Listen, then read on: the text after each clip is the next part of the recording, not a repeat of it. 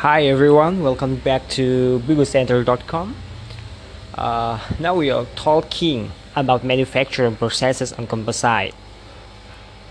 Uh, a composite material uh, have succeeded remarkably uh, in their relatively short history, but for continued growth, especially in structural uses, certain obstacles must be overcome. A major of uh, a major one is the tendency of the signer to rely on traditional materials such as steel and aluminum unless composite can be produced at lower cost. Cost concerns have led to several changes in the composite industry. There is a general movement toward the use of less expensive fibers. For example, graphite and aramid fibers have largely supplanted the more costly boron in advanced fiber composite. As uh, important as saving on the material may be, the real key to cutting composite cost lies in the area of processing. Uh, let's uh, the processing of fiber reinforced laminate can be divided into two main steps. First is layup, and the second one is curing.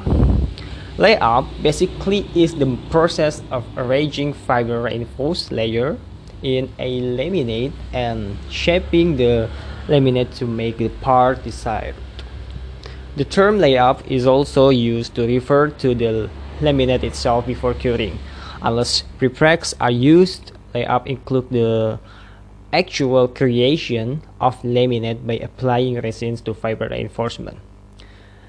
Um, the second one is curing. Curing is the drying and hardening of the resin matrix of the finished composite. This may be done unaided or by applying heat and or pressure. Um, laminate layup operation fall into the three main groups. One is uh, uh, weighting and laying operation two is molding operation and the last one is continuous lamination uh, we don't uh, we talk about weighting operation. The operation is the most important operation in this category is filament winding. Fibers are passed through liquid resin and the uh, wound onto a mandrel. After layup is completed the composite is cured on the mandrel. The mandrel is then removed by melting, dissolving, freaking out, or some other method. And then uh, we just the, the next operation is molding operation.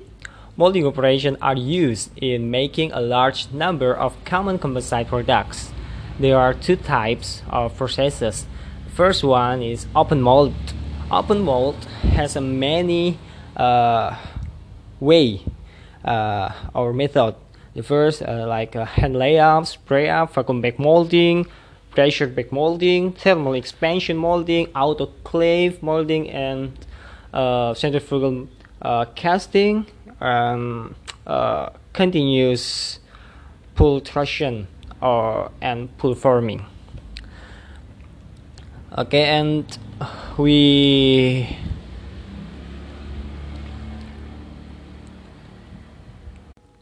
we uh, tear down the uh, open mold uh, molding operation okay? And uh, first is hand layup a hand layup called uh, contact molding. Is the oldest this is the oldest and simplest way of making fiberglass resin composite. Uh, the application of this uh, method are in wind turbine blade, boat, and another. And the second is spray up. In spray up process, chopped uh, fiber and resin are sprayed simultaneously into or um, onto the mold. Application are lightly loaded structural panels like uh, caravan bodies, track fairings, bathtub, and small boats, and another uh, thing. Uh, the third is uh, vacuum bag molding. The vacuum bag uh, molding is a process was developed for making a variety of components, including a relatively large part with complex uh, shape. It's more complex shape. Uh, the application of this method is our large creasing both uh, race car components, and another like a tube like that. And the four uh, method or technique are pressure bag molding. Pressure bag uh, process is virtually a mirror image of vacuum bag molding. Like yeah it's look like a vacuum bag molding but we using this pressure uh, to mold the uh, shape or that composite. Uh, the application is like a sonar domes antenna housing aircraft fairing and, and so another. Uh, the five uh, methods are thermal expansion molding in thermal expansion uh, molding process, prepreg layer are wrapped uh, around rubber blocks and then placed in a metal mold. As the entire assemble uh, is heated, the rubber expand more than the metal, putting pressure on the laminate. Complex shape can be made, uh, reducing the need for later joining and fastening operation. And the sixth, uh, the next method are autoclave molding. Autoclave molding uh, is similar uh, to both uh, vacuum bag and pressure bag molding, but it's more more modern. It's uh, usually applied on uh, uh, fighter aircraft like a motor sport vehicle or another because it's faster and lighter and uh, there are centrifugal casting I don't uh, know about more but centrifugal casting is used to form round objects such as pipes and uh, the next method are continuous uh, pultrusion and pulverizing. Filter, uh, continuous pultrusion is the composite counterpart of metal extrusion. Complex part can be made with this metal. And uh, pulverizing is similar to pultrusions in many ways.